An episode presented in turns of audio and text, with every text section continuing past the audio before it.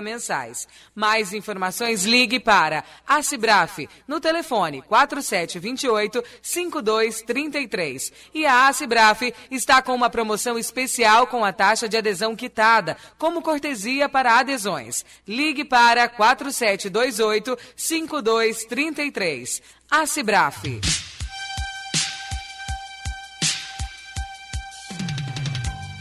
A Metropolitana faz por você. Tudo que você ouve e não concorda e quer que seja apurado ou melhorado, a Metropolitana vai lá e tira a limpo. Um canal de comunicação rápido, ágil e eficiente, onde você liga e fala direto com quem resolve ou ajuda. A sua solicitação é ouvida por quem pode encontrar uma solução. Ligue para a Metropolitana e ouça a rádio que está cada vez mais perto de você. Metropolitana, hoje e sempre. Ao seu lado. Sempre. 4799-2888. Este é o telefone do ouvinte Metropolitana. Em Suzano, as ações da Secretaria de Cultura são sucesso de público. Foram cerca de 500 eventos realizados por todo o município, contemplando mais de 3.300 artistas locais e 2.300 alunos que participaram de oficinas em 11 modalidades nas áreas de artesanato, balé, circo e muito mais. Porque em Suzano, levar cultura e lazer para todos é um espetáculo que nunca sai de cartaz. Prefeitura de Suzano. Metropolitana. Tempo e temperatura. Confira agora como fica a temperatura na região do Alto Tietê. A semana começa instável na região do Alto Tietê, com o céu parcialmente nublado e com 40% de probabilidade de chuva. Mogi tem para hoje mínima de 14 e máxima de 26 graus. Santa Isabel tem mínima de 14 e máxima de 27, e o mesmo vale para Guararema, que prevê mínima de 14, máxima de 27 graus e 40% de probabilidade de chuva. Victor Fabiano, tempo e temperatura para o Radar Noticioso. Sua empresa está precisando de profissionais qualificados para serviços gerais. Então chame Grupo Safe, especializada em limpeza e conservação, manutenção geral, recepção e portaria. O Grupo Safe vai encaminhar os melhores profissionais. Ligue 11 4747 6161. Acesse o site www.safegrupo.com.br. Grupo Safe, fazendo mais do que tem que ser feito. ZYK 615, 1070 kHz. Rádio Metropolitana AM. Amor e alegria todo dia. Metropolitana. No seu rádio. Bom dia. Muito bom dia, um ótimo dia para você que nos acompanha aqui na nossa Rádio Metropolitana. Amanhã muito especial, segunda-feira, 21 de agosto de 2023. Seja muito bem-vinda, seja muito bem-vindo ao Radar Noticioso com muita informação, prestação de serviços à comunidade do Alto Tietê, do Brasil e do mundo com você, pelo Facebook, Instagram e YouTube, entre lá pelo meu site marilei.com.br. E hoje, doutor Disseu do Vale, presidente da UAB de Mogi das Cruzes, nosso convidado especial de hoje, inclusive falando do movimento contra o pedágio. Nós tivemos uma audiência pública na sexta-feira que realmente deixou todo mundo muito preocupado e a gente vai fazer toda a repercussão desse assunto hoje com o doutor Dirceu do Vale. Mogi diz não ao pedágio. A metropolitana também diz não. Não. Não. Metropolitana. Muito bom dia, doutor Dirceu do Vale. Obrigada pela entrevista. Bom dia, Marilei. Bom dia aos amigos da rádio. É, só para esclarecer, convidado especial era o boy. Né? Vamos colocar os pingos nos is, né? Convidado especial, o É, boy. ele é um entrevista. convidado histórico, Lógico, né? histórico, um prestígio muito grande da rádio, um prestígio muito grande seu. Né? É, um, grande, uma- um grande líder político, né? não vou colocar dono, vamos colocar assim, representante do maior partido É. do país. É, que está personificando a direita aqui no, no Brasil. Não só em Mogi, não só no estado de São Paulo, mas no país inteiro. Mas bom dia a todos, bom dia aos ouvintes. É isso, Marilei. Vamos falar desse movimento contra o pedágio. Sexta-feira, a Rádio Metropolitana eu estive lá com a minha equipe. Ficamos das 8 da manhã até começou às 10. Nós fizemos um pré para entender como ia ser a audiência. Depois nós ficamos até praticamente 4 horas da tarde cobrindo essa audiência pública. As duas cidades mais representadas lá eram Mogi e Itanhaém, que vão ser as mais prejudicadas com esse lote litoral sul, que é um lote litorâneo que começa na Mogi Dutra, com dois pedágios da Mogi Dutra, no trecho de Mogi, no trecho de Arujá e uma no pedágio da Mogi Bertioga. E o prefeito Caio Cunha falou que vai entrar com uma ação contra a realização dessa audiência, porque teria que discutir em Mogi, porque Mogi vai ser uma das cidades mais prejudicadas.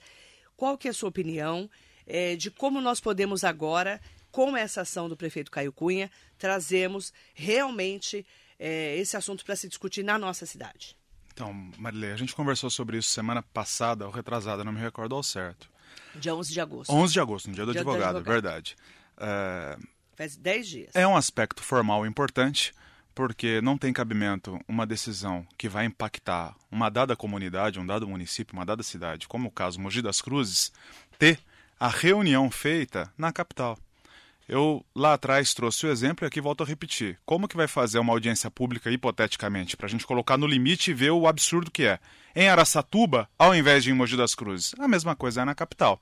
Então, isso é um aspecto formal que eu penso bastante sério, bastante importante, que é possível sim que se tenha sucesso na justiça para conseguir a anulação. Mas veja, é uma anulação da realização da audiência pública lá. Vai se fazer a audiência pública aqui, está superado o vício que for apontado. Quer queira, quer não, é uma decisão política, volto a insistir nesse ponto, é uma decisão política instalada na memória, na pretensão, na vontade né, do governador, da secretaria, dos órgãos de Estado, isso vai acabar se concretizando. Salvo se tiver uma força política contrária, e hoje é o que parece, pelo menos o que saiu da, da, da entrevista com o deputado Valdemar Costa Neto, Mogi ganhou mais um soldado contra isso. Se há alguém com prestígio também para fazer frente e conseguir mudar esse estado de coisas é o próprio deputado Valdemar Costa Neto. Importante falar, nós vamos entrar na, na frase que o deputado, né, o presidente nacional do PL comentou aqui, que é o Valdemar Costa Neto agora há pouco, falando que está na briga junto com a gente, vai defender a Mogi Bertioga e a Mogi Dutra especialmente, porque 17% do que todo esse lote que vai ser arrecadado vai ser com a Mogi Dutra, o trecho de Mogi e 27% de todo esse lote arrecadado vai ser de Arujá, Mogi e Mogi Bertioga. Então nós vamos pagar essa conta sem contrapartida. Esse foi um dos maiores absurdos que nós vimos na audiência, doutor. Sim. Marilei, porque vamos, vamos ver o seguinte, né? Olha, queremos pedagiar a, a Mogi Dutra, queremos pedagiar a Mogi Bertioga. Pedagiar a Mogi Dutra tem muito mais gravidade que a Mogi Bertioga né? quer queira, quer não. Para a maioria dos usuários das estradas, a Mogi Dutra é uma via de trabalho. Não estou dizendo que a Mogi Bertioga não o seja para alguns, mas para a maioria de nós, vamos pegar o exemplo de nós aqui. É. Né? Uh, nós pegamos a Mogi Dutra Sim. para trabalho. Sim.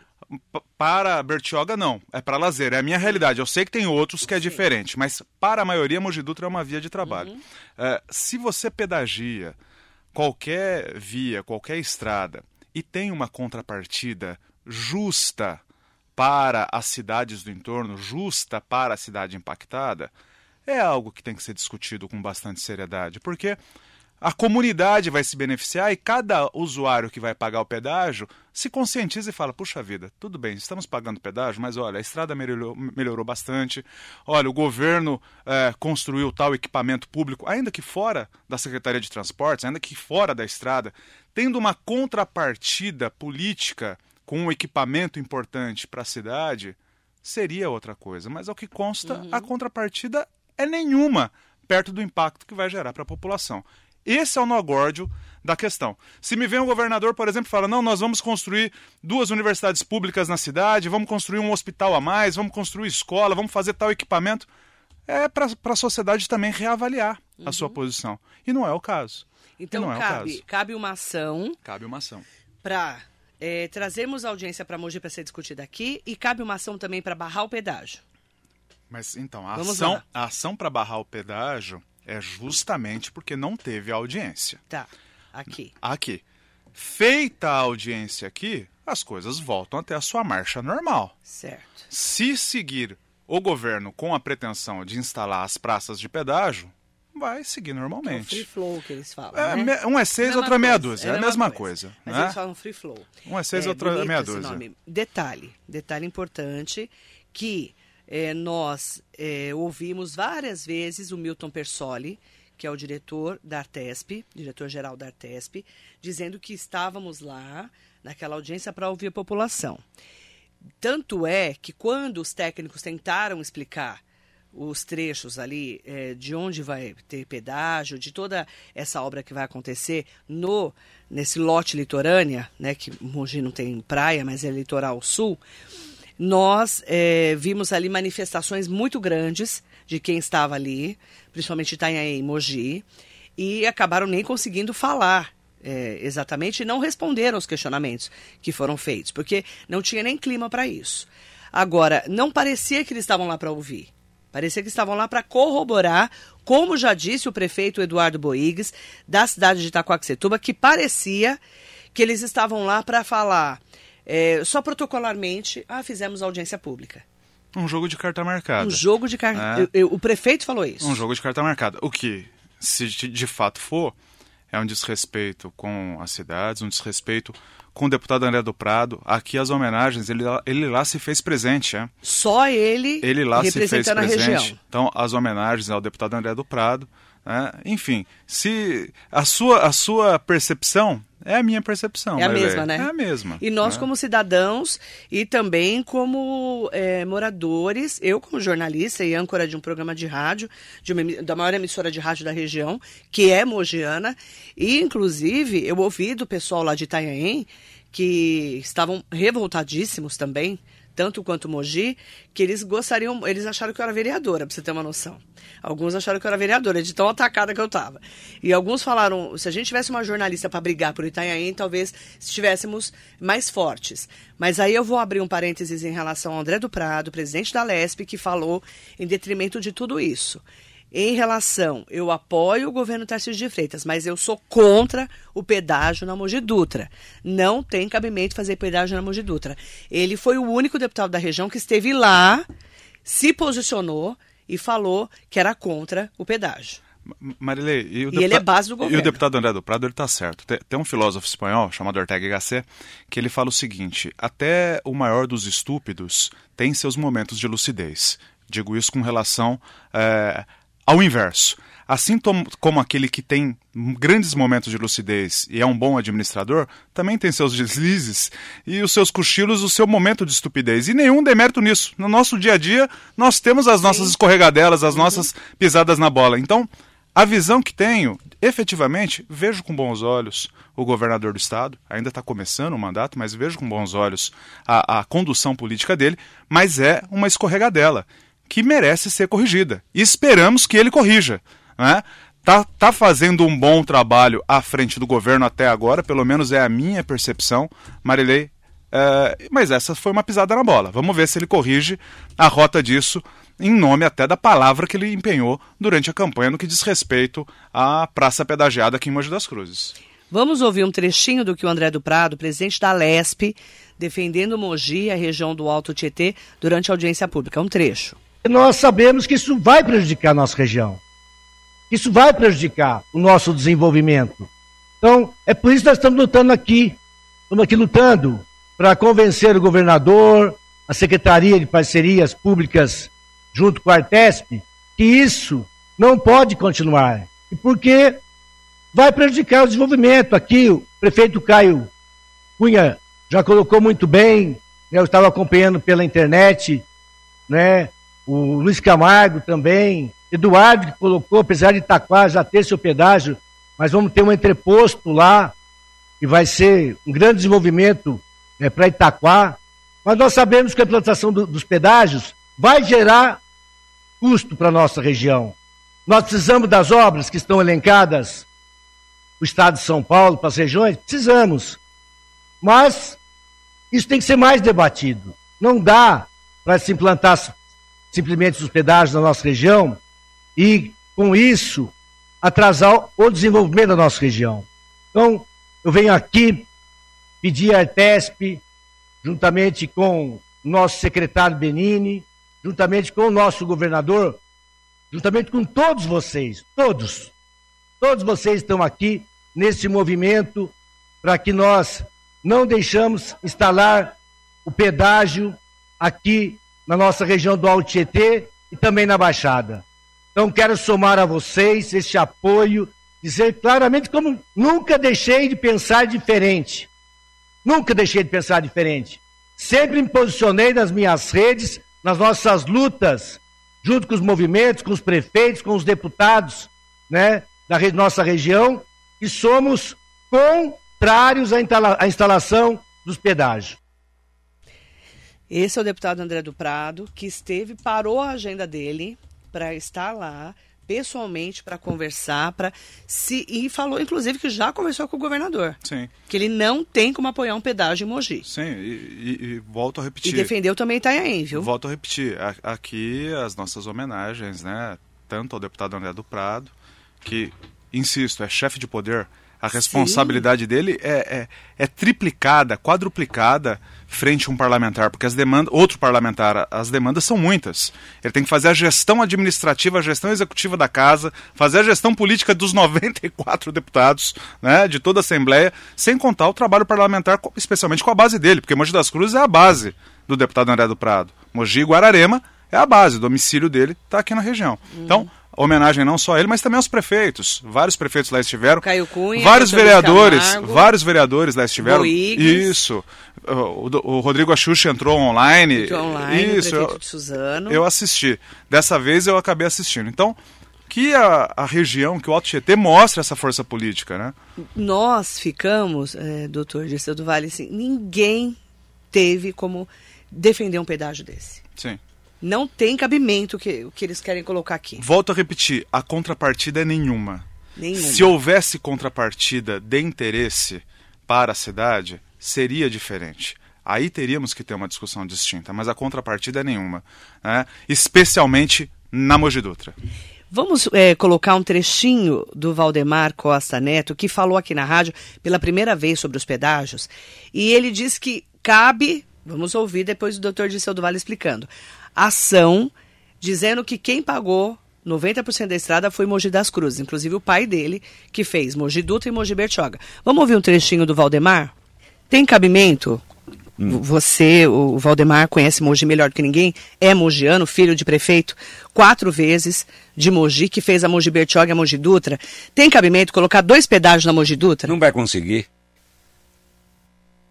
Você vai brigar por nós? Vou. Você não sabe por quê. Você brigar com nós? É preciso nesse assunto comigo.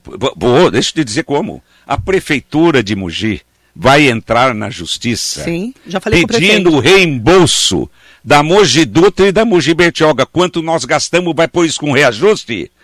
Ele não recupera esse pedágio nem em 10 anos.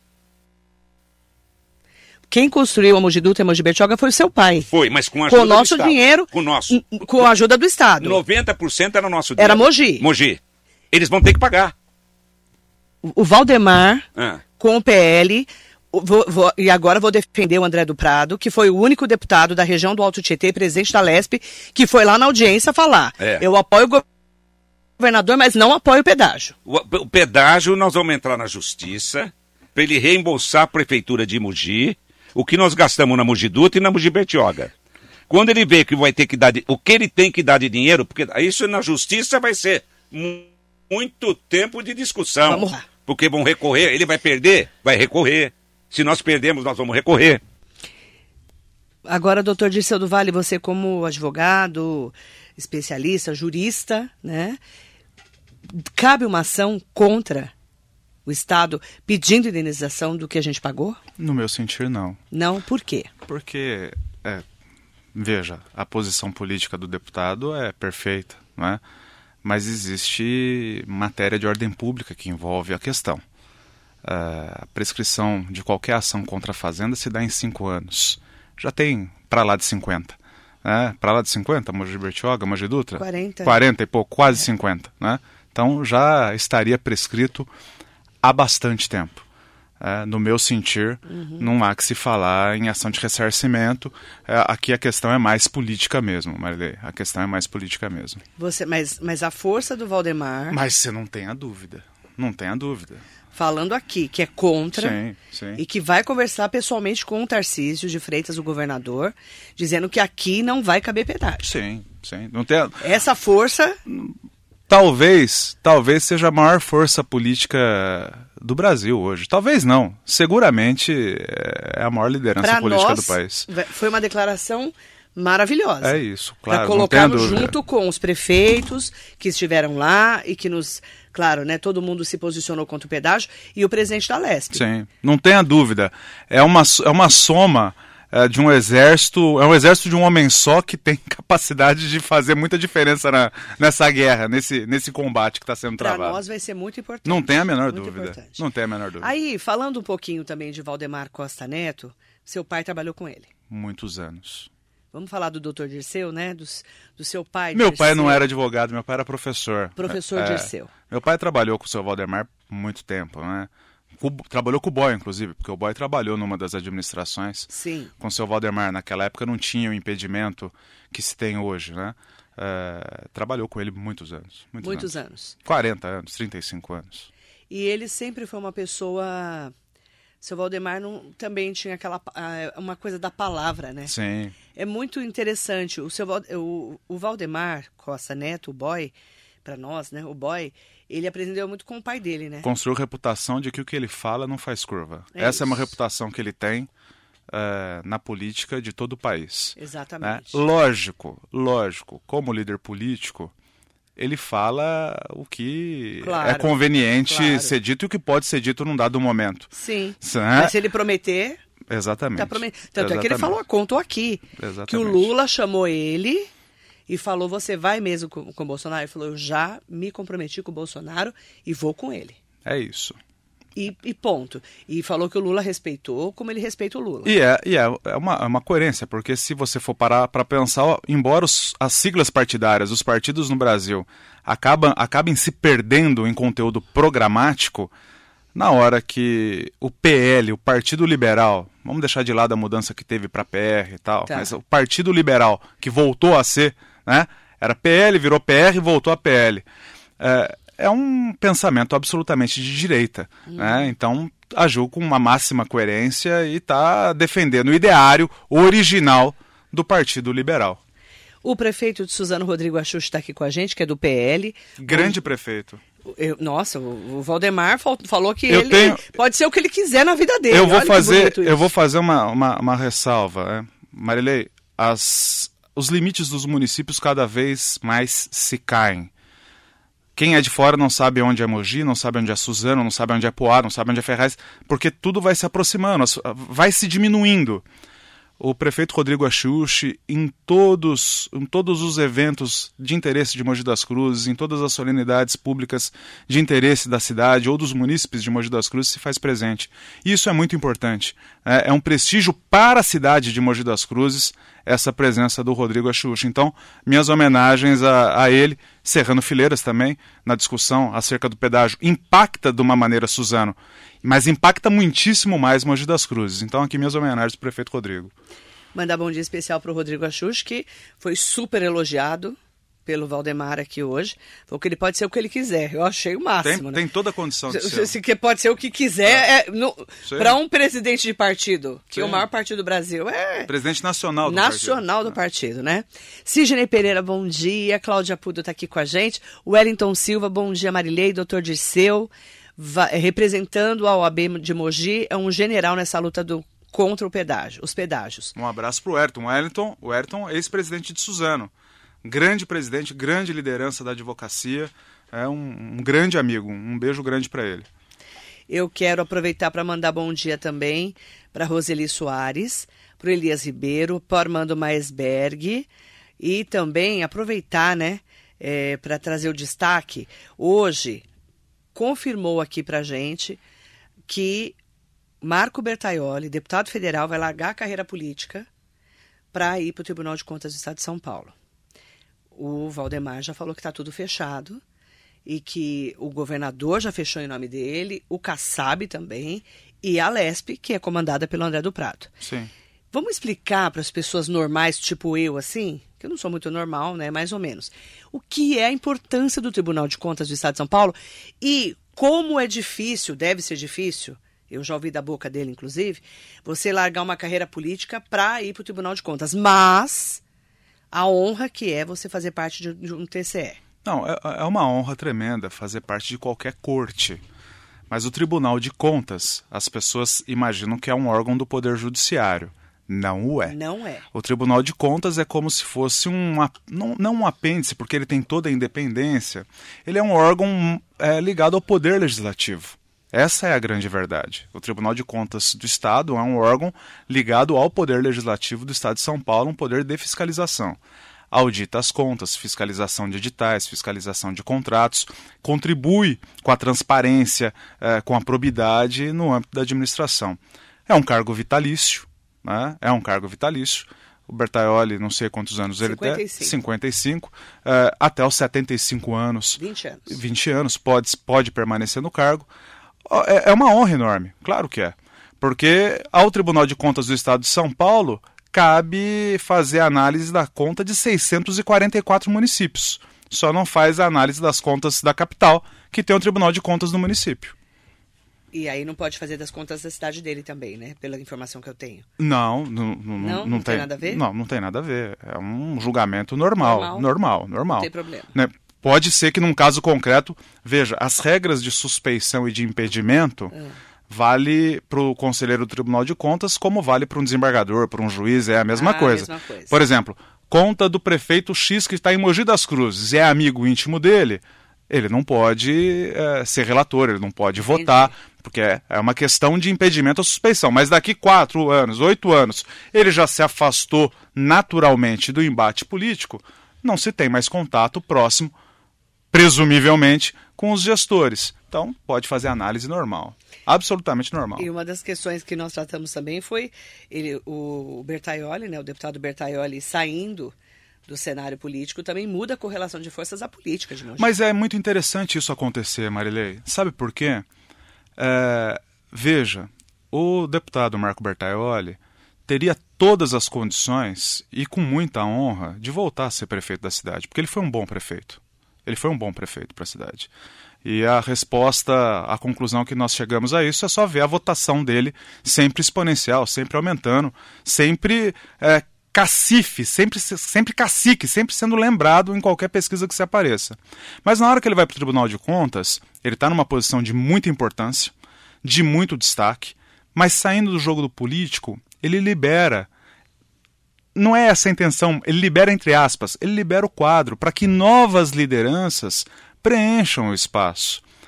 É sempre bacana a oxigenação das lideranças. Marilei, é sempre bacana que isso aconteça. No momento que ele sai do jogo, veja como muda toda a correlação, conforme você disse. Muda tudo. Todo o tabuleiro, todo o tabuleiro uh, se E tá modifica. todo mundo esperando ele ir embora em setembro. É, exatamente. Todo Tu- mundo. Tudo muda. E isso é salutar, Marilei. Isso Porque é salutar. oxigena a política. Isso é salutar. Vam- vamos lá. Ele sai candidato. É, ele é um camarada que provavelmente ganharia uma, uma disputa. Sim. Na hora que ele Hoje sai, ele tá exatamente, muda toda a regra do jogo, muda absolutamente tudo, as lideranças passam a se preparar mais. O Bertaioli é um camarada preparado. Muito preparado. Entendeu? É um camarada preparado. Muito. Então, é, passa a ter uma mudança no tabuleiro. E isso é muito legal, isso é muito positivo. Mas para nós também de Mogi da região é uma honra ter o Bertaioli no Tribunal de Contas. É um cargo técnico, né? É- Mas nunca teve um Mogi. Não teve. É uma, é uma satisfação natural, é, é uma, é uma honra, é, enfim.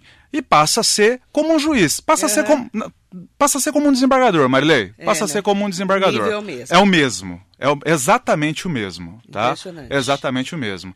Não existe a exigência no Tribunal de Contas de ter formação em direito. O Bertaioli não tem formação em direito. Administrador. É, administrador de empresas. né? Não existe essa exigência para tomar assento no Tribunal de Contas de ter formação jurídica. Né? Porque vai ter os seus assessores também, vai ter os auditores que, que auxiliam todo o trabalho de fiscalização das contas públicas de todos os municípios do Estado também e dos outros poderes também. Veja, o Tribunal de Contas tem uma pleia de, de, de, de funções.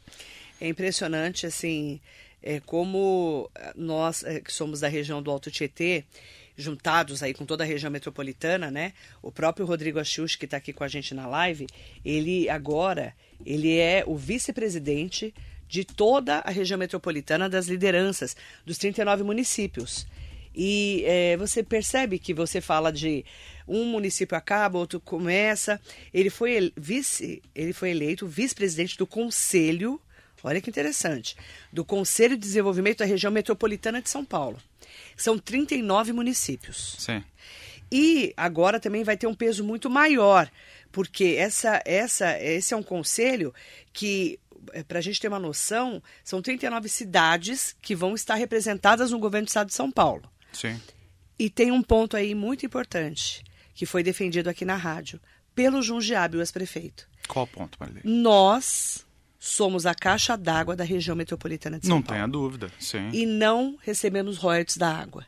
Não tenha dúvida. Um ponto importantíssimo. E o Vanderlon Gomes, que é da Salesópolis, da Nascente Tietê, faz parte da, de todo esse conselho da bacia hidrográfica. Junto com o Rodrigo Axuxa, a gente vai poder colocar isso em pauta também. Sim para podermos. Isso é uma briga antiga nossa, não é? Sim, sim. E, e absolutamente legítima. A água é o bem mais precioso que nós temos. A água é o bem mais precioso que nós temos. Né? A região aqui, não bastasse a nascente do Tietê estar tá em Salesópolis, passar todas. por aqui as represas todas tal, o aquífero Guarani pega boa parte também da, da nossa região. Exatamente. Né? Então, isso, isso é importantíssimo. Lógico, é uma bandeira tremenda. Mas, veja, lá atrás a importância eram os royalties do petróleo. Agora é da água. É isso. E é importante falar porque isso foi citado lá na audiência pública do, do, dos pedágios. Sim. Dizendo o seguinte: ao invés de mandar pagando para a região, Mogi das Cruzes da região, para a gente abastecer parte do estado, essa região metropolitana toda, eles querem mandar pedágio para ferrar nossa vida. Sim. Não faz sentido. Sim. Então o Rodrigo Axuxi lá o, o André Nalesp, veja, que o condemático do prefeito Caio Cunha, presidente também desses 14 municípios, também são maneiras de termos uma representatividade, que é uma das, das críticas que você fez na última entrevista. Na verdade, quando eu fiz aquela, aquela crítica, eu fiz a crítica ao desprestígio. Sim. Se isso se instalar, não foi uma crítica, foi uma constatação. Sim. Tá?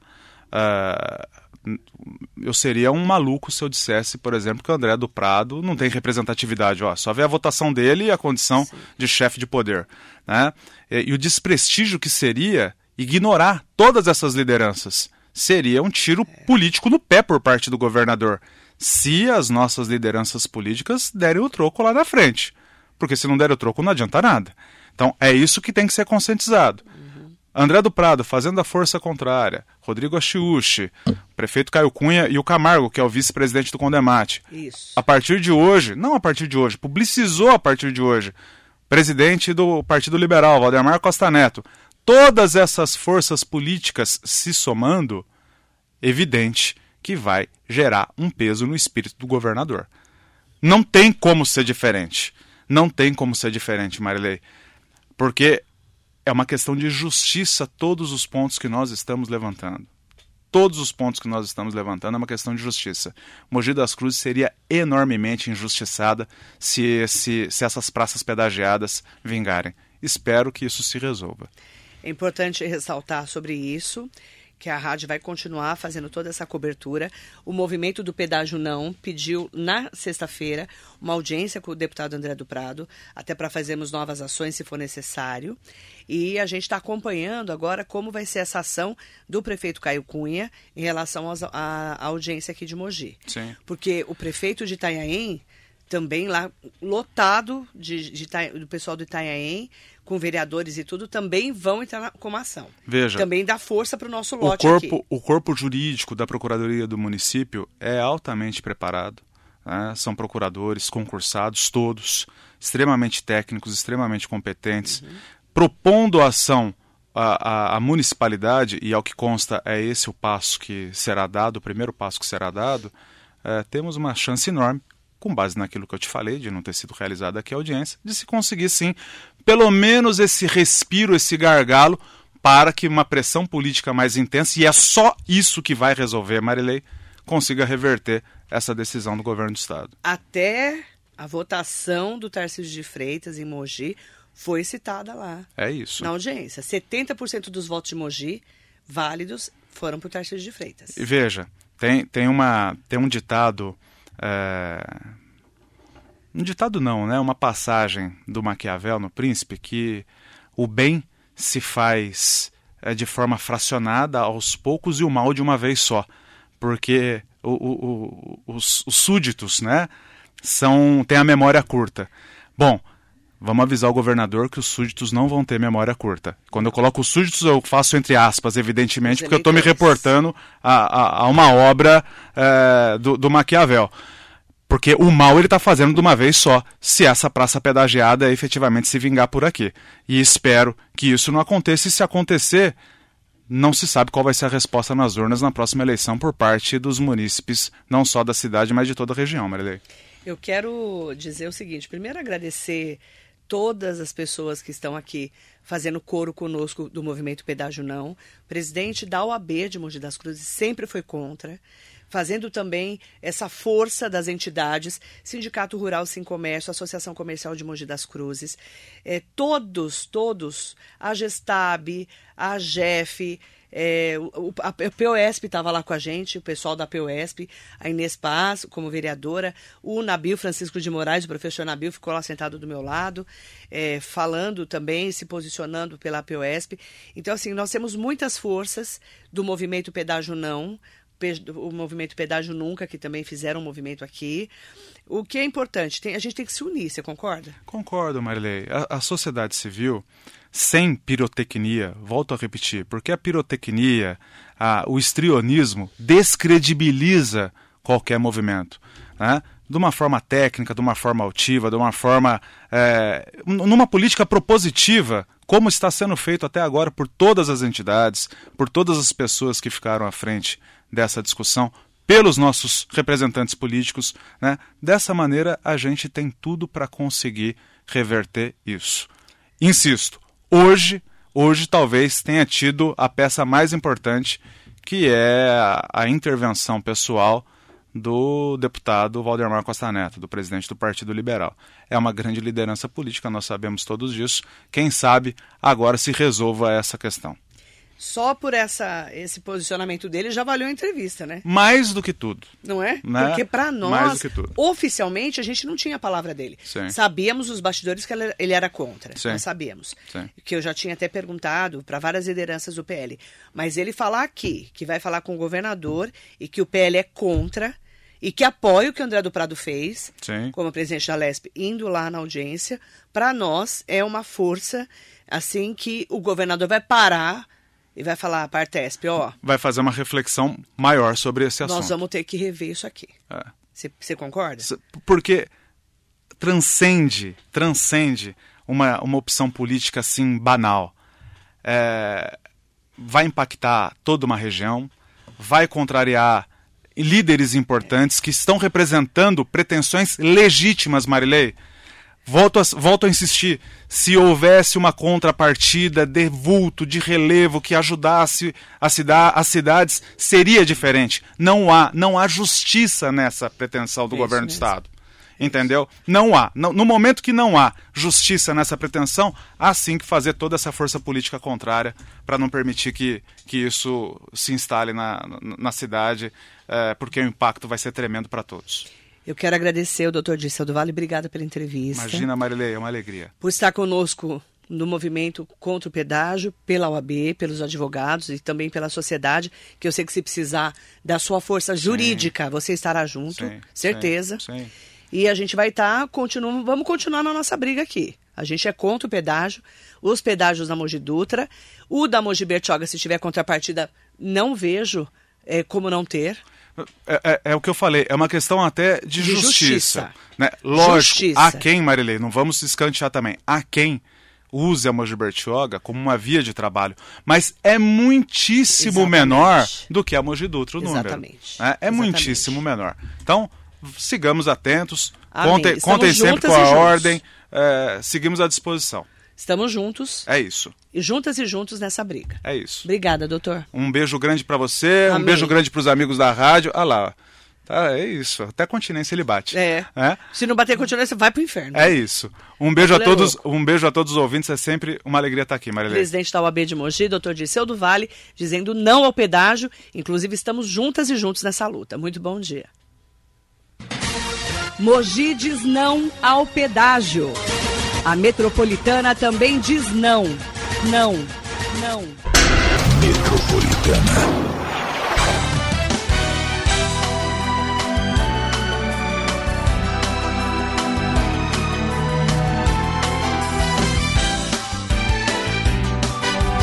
Marilei com você.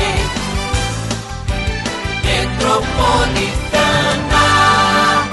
A Prefeitura de Itaquá tem uma grande oportunidade para você quitar suas dívidas com o município.